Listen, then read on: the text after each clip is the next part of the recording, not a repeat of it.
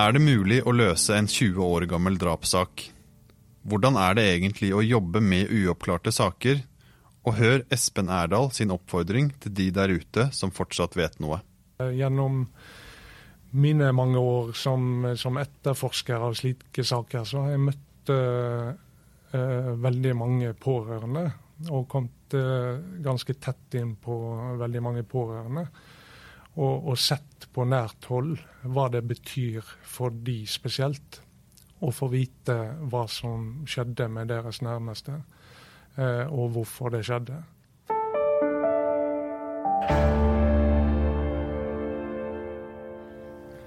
Det er få drapssaker i Norge, og de fleste sakene oppklares.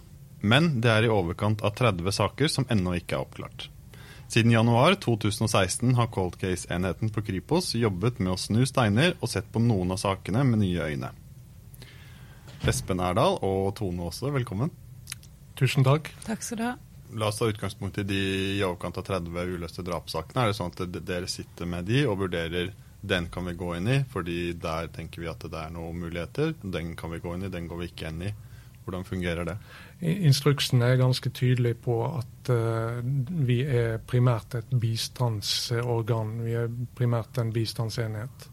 Uh, det innebærer at uh, det er politimestrene først og fremst, og, og, i noen tilfeller også statsadvokatene, som ber oss om bistand til å gjennomgå saker. Så det er ikke slik som åpenbart mange tror, at vi velger fritt uh, hvilke saker vi går inn i.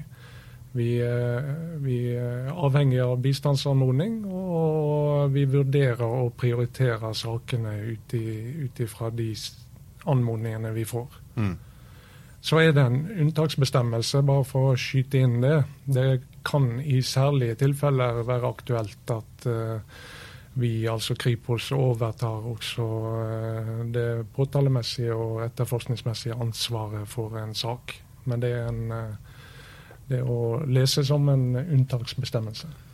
Den har ikke blitt brukt ennå? Nei, det har den ikke. Og eh, litt av utgangspunktet for opprettelsen av gruppa Tone var jo at foreldelsesfristen ble oppheva for en del type saker. Mm -hmm. Det var det. Det mm, var i 20, Fra 2014 så eh, ble det vedtatt eh, at noen av de mest alvorlige sakene, herunder drapssaker, ikke lenger skulle bli forelda. Før den tid så var det 25 års foreldelsesfrist på drapssaker i Norge. Eh, men da ville man at ingen av drapssakene skal foreldes lenger, så det innebærer jo at eh, politiet har anledning til å etterforske og eh, forsøke å straffeforfølge gjerningspersoner som har begått drap i Norge etter 1.7.1989. Mm.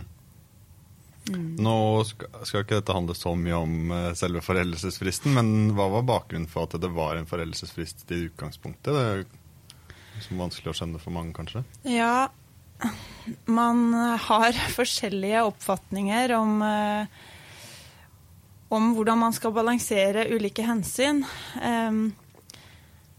Bakgrunnen for at man har foreldelsesfrister, er at man tenker at eh, eh, de individualpreventive hensynene slår ikke like kraftig inn ettersom tiden er gått. Altså behovet for å korrigere den som har gjort noe galt. Det, det, når det har gått veldig lang tid, så, så minsker det behovet. Um, og det blir jo vanskeligere å oppklare sakene. Hukommelsen til vitnene svekkes, ting blir borte. Det er jo vanskeligere å komme i mål med de gamle sakene, så, så det er kanskje ikke um, samfunnsøkonomisk forsvarlig at alle straffesaker uh, kan etterforskes i det uendelige. Det er kanskje lurt at man setter strek for en del saker. Men så har man kommet til at eh, man vil at eh, politi og rettsvesen og samfunn skal kunne straffeforfølge de, de aller mest alvorlige sakene, fordi det er så viktig å stille noen til ansvar og, eh, og prøve å finne svar, selv om det er en veldig gammel sak, når det dreier seg om drap. Og så Den første saken eh, dere fikk på bordet deres, det er, var Karmøy-saken. Og den begynte dere å jobbe med i eh, Var det starten av 2016? Januar 2016? Stemmer det. Mm, hvordan gikk dere løs på den som den første saken dere begynte å jobbe med? Um, Det, det vanlige når en, når en politimester henvender seg til oss med en sak, det er at eh, han eller hun, hun ønsker at vi gjennomgår eh, det foreliggende etterforskningsmaterialet og gjør en vurdering av i hvilken grad det er hensiktsmessig å ta opp igjen etterforskningen av saken. Eh, og at vi da gir en begrunnet anbefaling basert på det. Sånn var det også i Karmøy-saken. Og et team hos oss jobba i store deler av 2016 eh, med gjennomgangen av eh, den saken. Rapporten fra oss ble vel overlevert til politimesteren mot slutten av eh, 2016. Eh, Nokså forenkla så handler en slik gjennomgang om å sørge for eh, at eh, absolutt alt av etterforskningsmaterialet gjøres tilgjengelig for oss. Eh, Vi gjennomgår eh, og analyserer saksinformasjonen. Eh, Vi gjennomfører befaringer lokalt og på åsteder. Og vi gjennomfører andre relevante undersøkelser. Det kan være aktuelt å se på om nyere vitenskap eller nyere teknologi kan bidra til å gi svar som ikke var mulig å få fram den gangen. Vi eh, det er også naturlig på et eh, stadium av vår gjennomgang at vi eh, har møter, intervjuer eller avhør med tidligere sentrale aktører i en etterforskning. Typisk etterforskningsledelse, men også andre som har vært in involvert i, i arbeidet, eh, kan være aktuelt for oss å, å snakke med. Um, I den jobben vi gjør, og det gjorde vi også i, i Karmøy-saken, når vi gjennomgikk den, eh, så eh, ser vi også etter læringspunkt. For det er en del av eh, mandatet vårt. eh, det fremgår av denne instruksen at uh, læringsperspektivet skal stå sentralt. Og um, det er, tenker jeg, en fornuftig, uh, fornuftig oppgave når vi allikevel dykker så dypt ned i et uh, sånt materiale. Så det registrerer vi og, og prøver å samordne, finne fellesnevnere som vi kan formidle til eh, norsk politi eh, med henblikk på eh, læring, rett og slett. Sånn som fra TV-serier og filmer, da. Hvis en etterforskning står stille og ikke kommer videre, så er det gjerne en korktavle med bilder av mulige gjerningspersoner og en iherdig etterforsker som holder på etter at de andre har gått hjem, og så plutselig ser man noe som noen andre har oversett, og så blir det et gjennombrudd i saken. Kjenner dere det igjen i den beskrivelsen fra TV-serier og filmer? Jeg vet ikke hva vi skal si, Tone. Det, det blir vel eh, et langt mer i, I virkeligheten er det et langt mer møysommelig arbeid enn det man kan få inntrykk av eh, gjennom en eh, 45 minutters eh, TV-serie. I tillegg til at eh, realitetene ofte er ganske annerledes. Eh, men det er klart eh, det, det er eh, dette med lange arbeidsdager, hard jobbing og, og søken etter eh, kanskje den nye informasjonen som ikke er fanget opp, eller den nye muligheten som man har i dag. Det, det, står sentralt i, i det arbeidet vi gjør. Ja, jeg har inntrykk av at eh, gode forslag om nye etterforskningsskritt kanskje først og fremst kommer gjennom diskusjoner i gruppa. At vi ja, i fellesskap finner fram til relevante spor som bør følges opp videre. Da. Sånn som da dere fikk Karmøy-saken, så fikk dere jo masse dokumenter som dere måtte digitalisere. sånn som den type jobbing kommer ikke så godt fram i TV-serier og filmer. Nei. Akkurat i den saken, som var en av de aller første vi gjennomgikk, så, så valgte vi jo bevisst å gjøre den jobben sjøl. Eh, og det er ikke noe vi gjør i hver enkelt sak, men vi hadde behov for eh, rett og slett å gjøre oss erfaringer med hva, hva det faktisk innebærer. Eh, og eh, så er det en, en, faktor som også spiller med i bildet her, at når det er snakk om så gamle saker, så gamle dokumenter, som, eh, så, så er det kan det være notater, påskrifter, gule lapper eller andre ting som har betydning, og som ikke uten videre blir fanga opp hvis man eh, eh, har eh, ja, sett folk som ikke har et forhold til selve jobben, til, til selve etterforskningen, til mm. å gjøre en slik digitaliseringsjobb. Vi har vel ikke sett en episode på dette timen som handler om stiftfjerning, f.eks.? Nei. Det er dere gode på nå. det kan vi. Eh, Espen, du var jo med i, på Karmøy-saken tilbake da det skjedde, og var en del av etterforskningsteamet fra Kripos som eh, etterforska saken da. Hvordan har det påvirka arbeidet med saken i dag? Eh, det er riktig at eh, ca. fire måneder etter at Birgitte ble drept, eh, ble sendt til Karmøy for å knytte meg til Kripos-teamet, som eh, fra dag én hadde etterforska saken sammen med politidistriktet. Og, og, at jeg var med eh, fra den tid var med eh, ganske lenge i eh, etterforskningen. Eh, og den, den, saken den gjorde naturlig nok sterkt inntrykk på meg òg den gangen.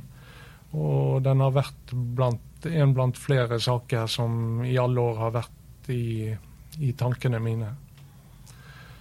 Um, helt siden vi tidlig i 2016 bestemte oss for å etterkomme politimesterens anmodning om å se på saken, uh, har uh, det daglige arbeidet i saken vært utført av folk, som, uh, folk hos oss som aldri tidligere har hatt befatning med den. Eh, arbeidet har også blitt ledet av en etterforskningsleder uten forhåndskunnskap om eh, den tidligere etterforskningen.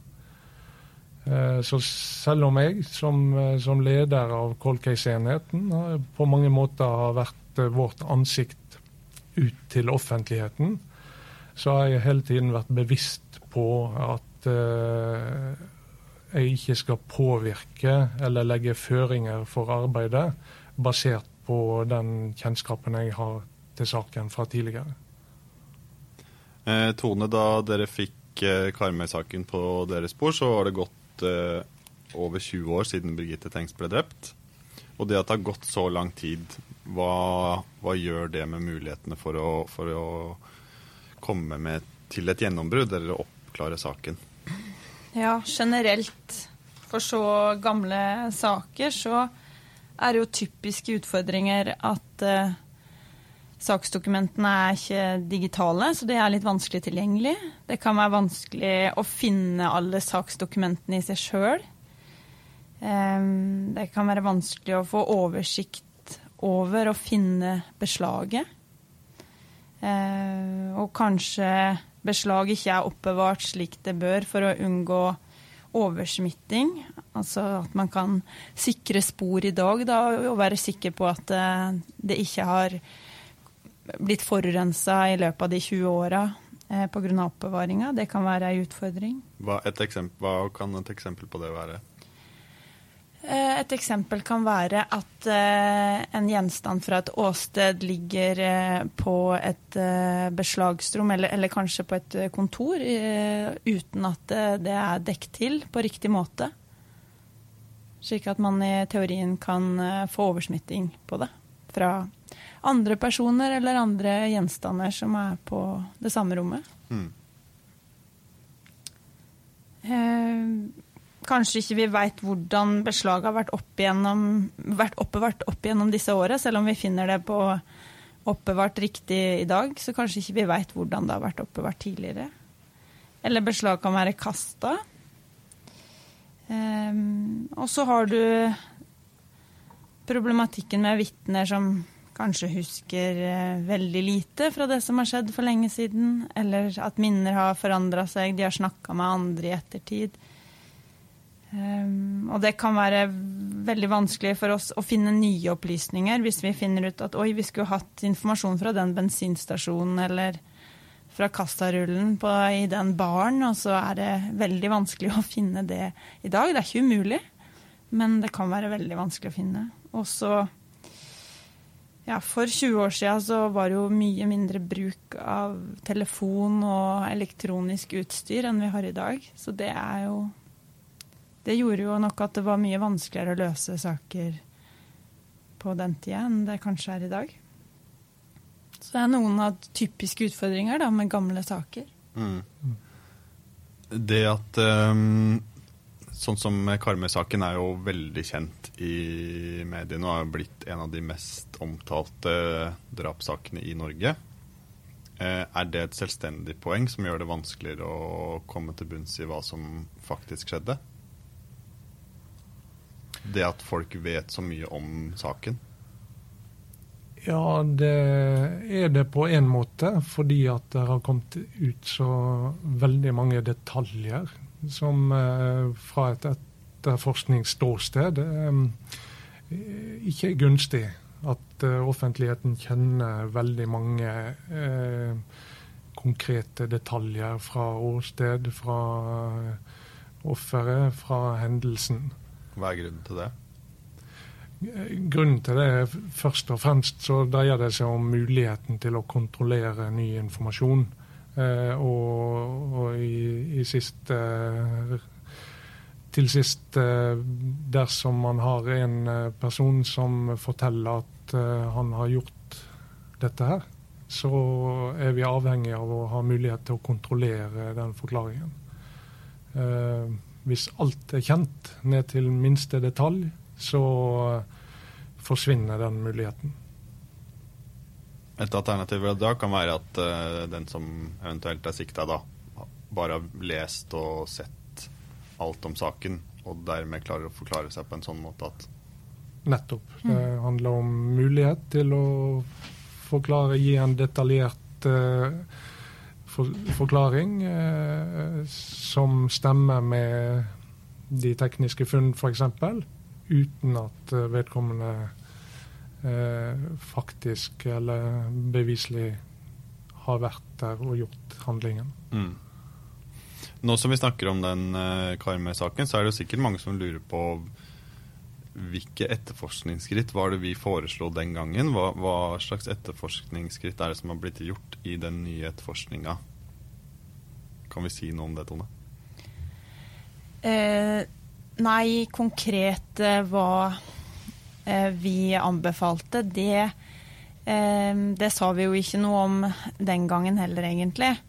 Eh, vi anbefalte en, en brei ny etterforskning, at man skulle se mer på um, om det fantes elektroniske spor og, og, elektronisk materiale som man kunne jobbe videre med i saken. Uh, og undersøke tekniske muligheter, men, men, mer konkret enn det, det var ikke vi. Og nå om hva som er gjort konkret i saken, det er det riktig at det er politidistriktet som uh, uttaler seg om. Eh, vi har bistått politidistriktet, men eh, det er politidistriktet som må uttale seg om den etterforskninga som har foregått i den saken nå.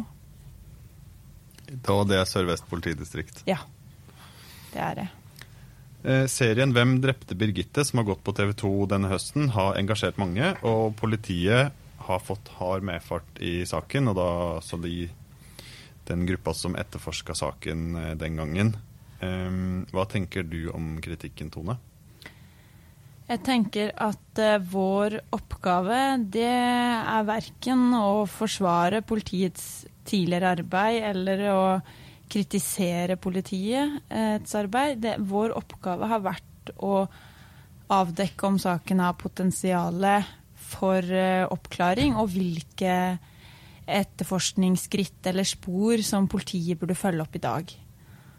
Og i den sammenheng så påpekte vi et par ting som vi så, som har, har betydning for eh, hva man kan gjøre i dag. Og det gjelder bl.a. hårsporet, nemlig at politiet det første halvannet året av etterforskninga eh, baserte seg på et analyseresultat om at eh, håra i Birgittes hånd eh, skulle stamme fra gjerningspersonen og ikke fra Birgitte selv.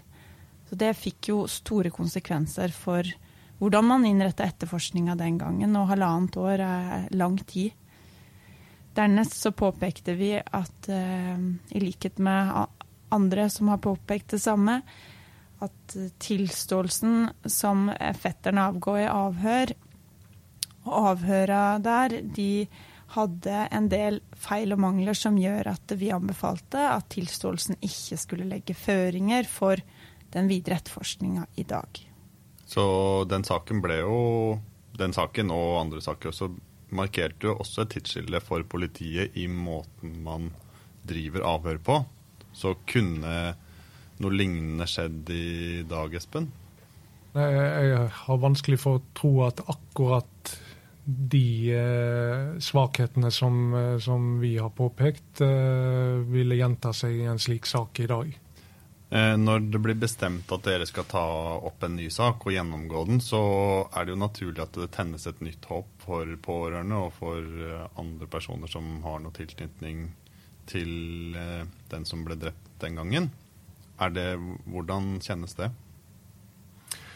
Ja, det, det, er jo noe av det vanskelige i disse sakene. Fordi at vi, vi vet på den ene siden at uh, sjansene er begrenset uansett hva vi gjør og hvor mye ressurser vi, vi setter inn i en sak.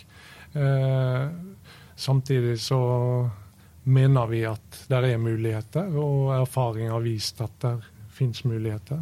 Men vi er veldig eh, redd for å skape urealistiske forventninger. Eh, at de pårørende skal, skal, tenke at nå er det bare et tidsspørsmål før de får det svaret som eh, de har venta på i mer enn 20 år, kanskje.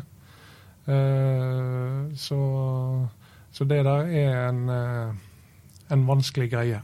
Vi forsøker å kommunisere det balansert, ikke gi eh, urealistiske forventninger, men eh, heller eh, bidra med mest mulig informasjon, sånn at de vet eh, hva vi gjør, eh, og hvilke muligheter som ligger der. I eh, mange av sakene dere jobber med, så er det jo skrevet bøker, og det er laget TV-serier og filmer og er, de er dekka bredt i mediene helt siden det skjedde den gangen.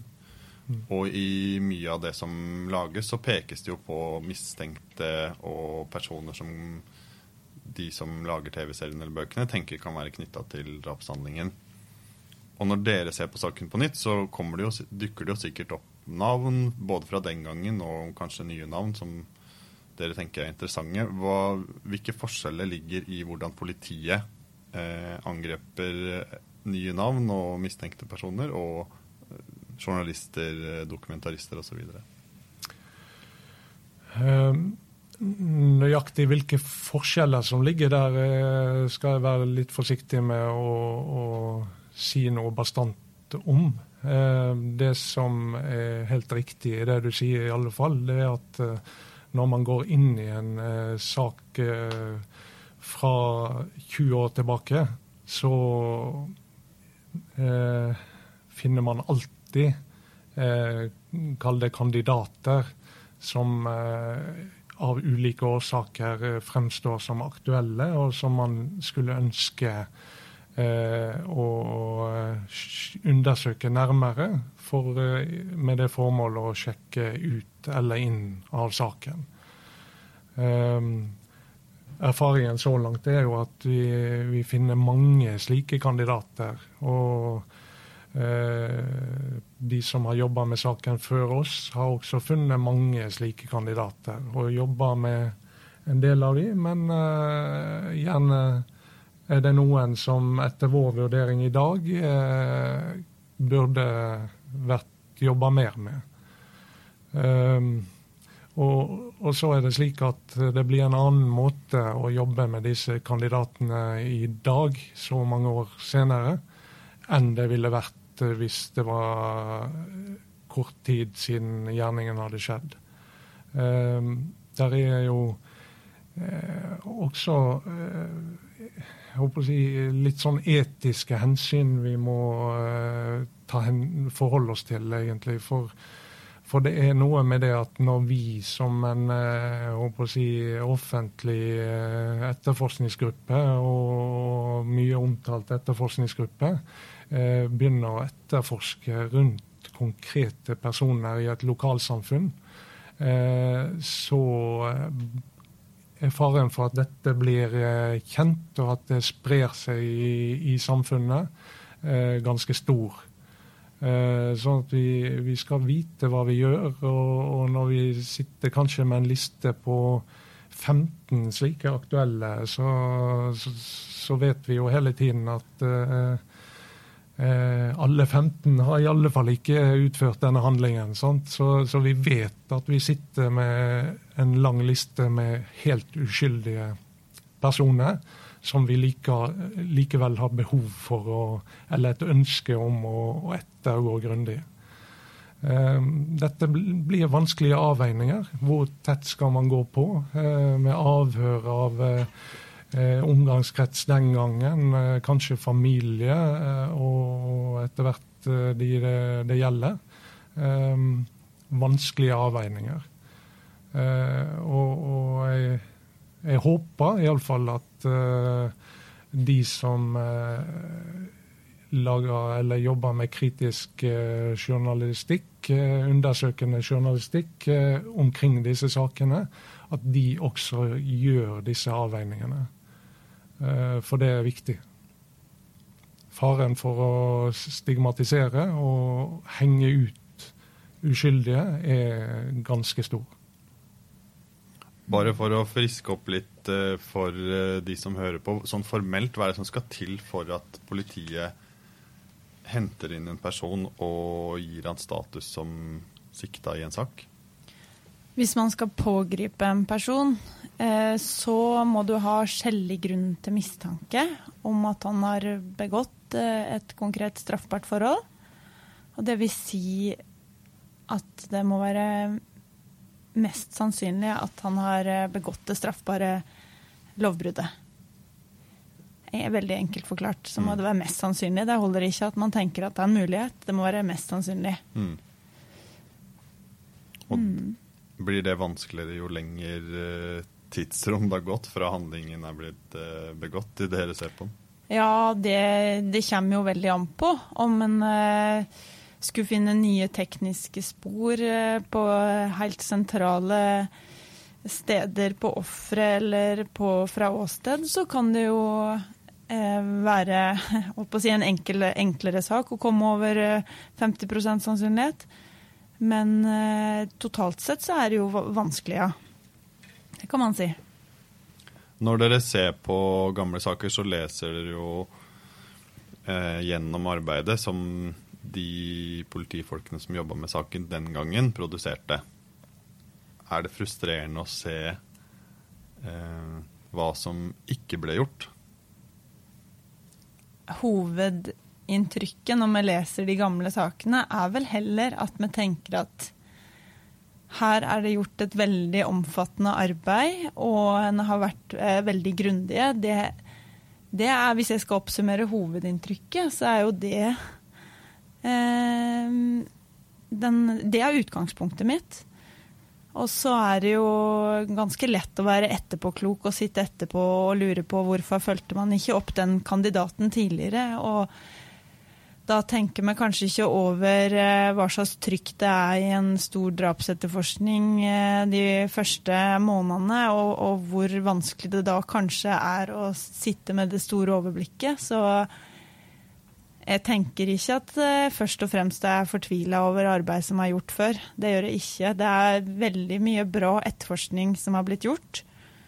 og de uoppklarte drapssakene i Norge, de har vært etterforska veldig dyktige etterforskere over mange år, så det er Det er jo Det er vanskelig å å finne hull i etterforskningene der. Um, og de som fins, det det kan jo skyldes uh, mange forskjellige ting. Men uh, jeg sitter ikke og river ut håret mitt, nei, pga. at man var håpløse før. Ikke i det hele tatt. Jeg kan kanskje legge til at, eh, at vår, vår, oppgave er jo ikke å evaluere disse etterforskningene. Vår oppgave er å se etter muligheter for å komme videre, for å oppklare sakene. Eh, samtidig så for når vi skal se etter sånne muligheter, så er, det jo eh, nødvendig å se etter eh, feil eller mangler i den tidligere etterforskningen. Så Sånn sett så er jo det et stort fokus. Men, men hele tiden med det for øye at det skal bidra til å oppklare saken i dag. Er toget gått for å oppklare noen av disse gamle sakene? Nei, jeg, jeg, vil ikke si det. Altså Vårt utgangspunkt Vi er en gruppe nå på elleve stykker som har valgt å jobbe med dette fordi vi, fordi vi, tror at det skal være mulig å komme i mål med noen av sakene. Eh, men så er det slik, og, med god grunn, så er vi opptatt av å ikke skape urealistiske forventninger, som jeg var inne på tidligere. Og eh, vi vet uh, også av tall fra, fra, andre land som har drevet med etterforskning av uh, de, sånne kalde saker systematisk gjennom mange år, at oppklaringsprosenten er veldig, veldig lav. Så det må vi forholde oss til, men opptatt av å formidle den offensive holdningen som råder i, i denne gruppa.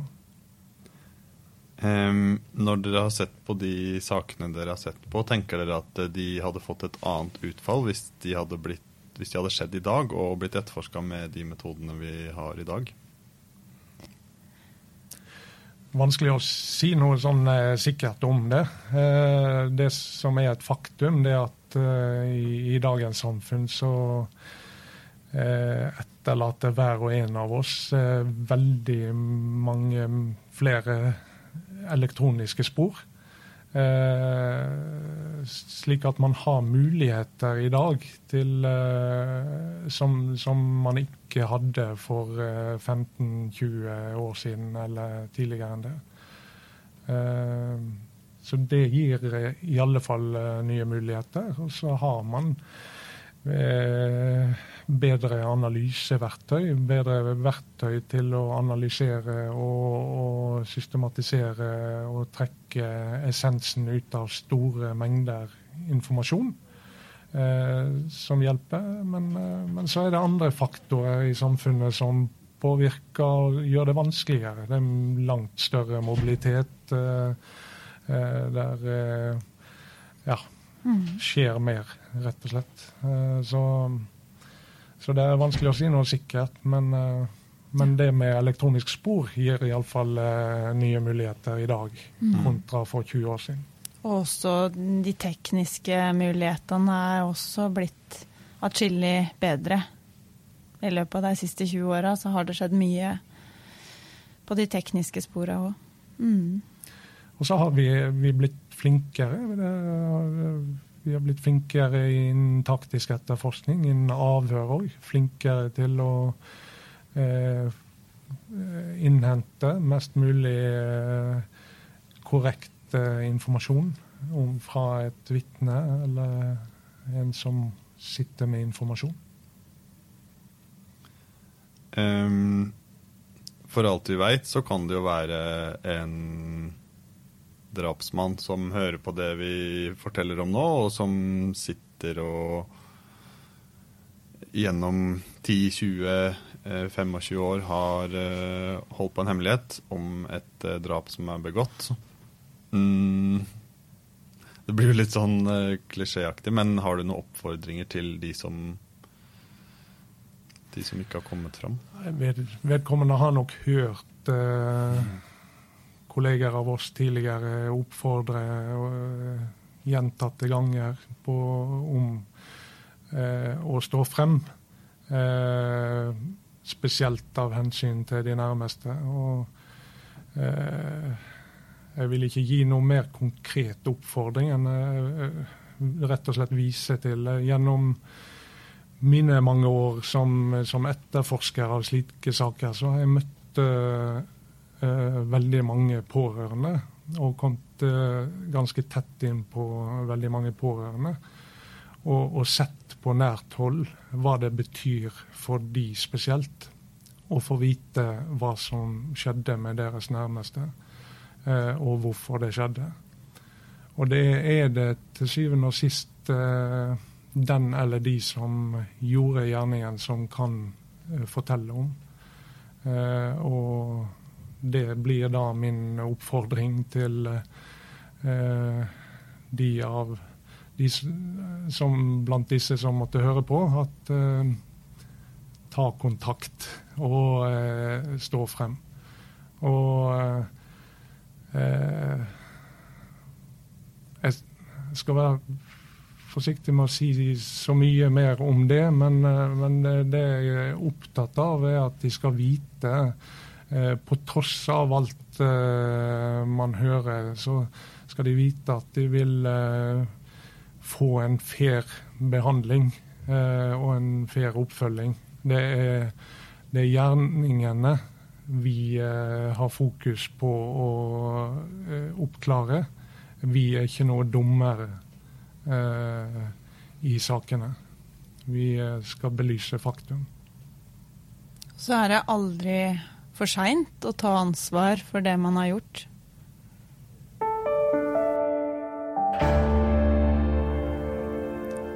Vi har også en post i her, denne interne podkasten her som heter 'Saken du aldri glemmer'.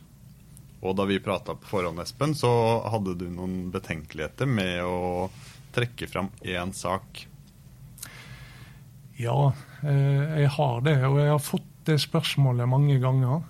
Eh, og jeg, jeg, jeg faller ned på det at eh, hver og en av de sakene jeg jobber med innenfor dette feltet opp gjennom årene, det, de har noe i seg. De har en, en tragedie i seg som som gjør at eh, de for meg oppleves eh, like viktige alle sammen.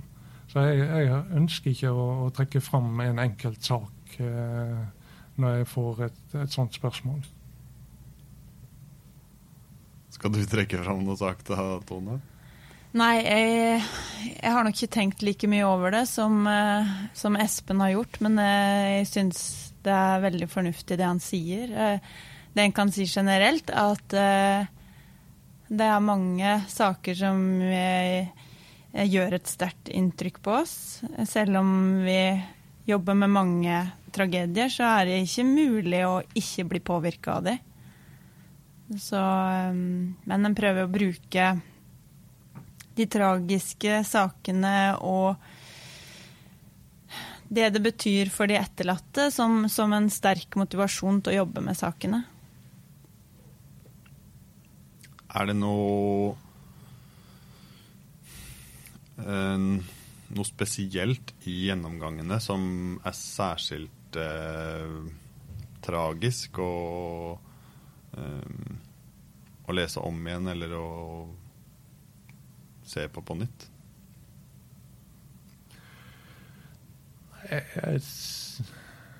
Det jeg, det jeg opplever som eh, eller det som eh, jeg fester meg mest med og gir mest grunn til ettertanke for min del, det er den, det å se eh, til og med så mange år etterpå, se hvilke lidelser eh, handlingen den gangen har medført.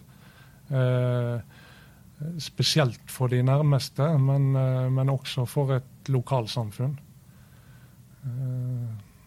Sånn at det det er jeg absolutt ikke uberørt av, for å si det på den måten.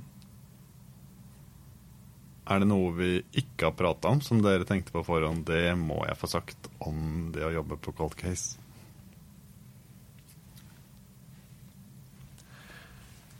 Det er Det måtte være, hvis jeg skal svare på det Tone først, Ja. så, så måtte det være at eh, jeg føler at vi har verdens mest meningsfulle jobb. Eh, vi jobber med, Det er veldig motiverende å jobbe med ny, noe som betyr så mye både for, eh, for samfunnet og for enkeltpersoner. Eh, selv om det er tragedier vi snakker om. Eh, men det arbeidet med å finne fram til faktum i eh, disse sakene, altså finne fram til sannheten, eh, det er jo det etterforskning generelt eh, dreier seg om. Og, det er et utrolig spennende og meningsfullt eh, arbeid.